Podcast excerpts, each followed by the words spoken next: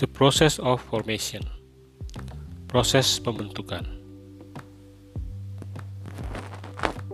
Mazmur 126 ayat 1 sampai 6. Orang-orang yang menabur dengan mencucurkan air mata akan menuai dengan bersorak-sorai.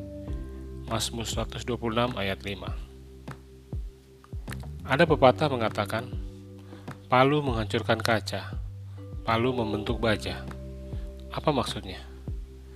Kaca memiliki sifat mudah sekali retak, pecah, dan hancur apabila terkena benturan. Sedangkan baja itu kuat, kokoh, dan tidak mudah pecah. Ini berbicara tentang reaksi seseorang terhadap masalah. Apakah kita bersifat seperti kaca yang rentan terhadap benturan atau masalah, sehingga mudah sekali kita kecewa, hancur, putus asa, marah, tersinggung, sakit hati, frustasi, mengasihani diri sendiri, dan menyalahkan orang lain. Sedikit benturan saja sudah lebih dari cukup untuk merampas sukacita kita. Sebagai orang percaya, seharusnya kita memiliki sikap seperti baja yang berkarakter kuat dan tangguh. Seseorang yang bermental baja akan selalu berpikiran positif, optimis, dan tetap bisa mengucap syukur meski berada dalam tekanan dan himpitan. Ia bisa mengambil sebuah pelajaran berharga dari setiap masalah yang terjadi. Masalah baginya adalah sebuah proses yang membentuk dirinya menjadi pribadi yang lebih baik.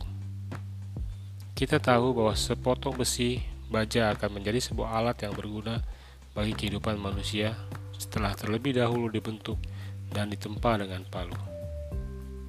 Memang, setiap ukuran terasa menyakitkan, dan terkadang kita harus bercucuran air mata. Namun, semua itu akan mendatangkan kebaikan bagi kita. Sebaliknya, jika kita seperti kaca, maka kita akan melihat palu sebagai musuh yang menakutkan dan menghancurkan. Masalah adalah salah satu cara yang dipakai Tuhan untuk membentuk, memproses, memurnikan, dan menguji kualitas iman kita.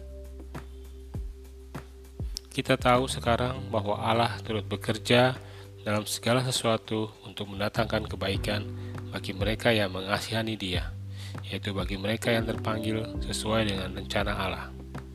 Roma 8 ayat 28. Karena itu, jangan pernah lari dari masalah, namun hadapilah masalah dengan iman.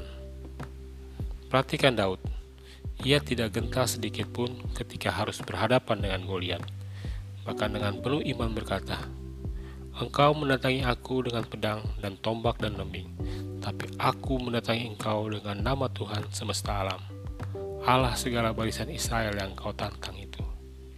1 Samuel 17 ayat 45 Jadilah orang Kristen yang bermental baja, yang tetap kuat meski diterpa masalah.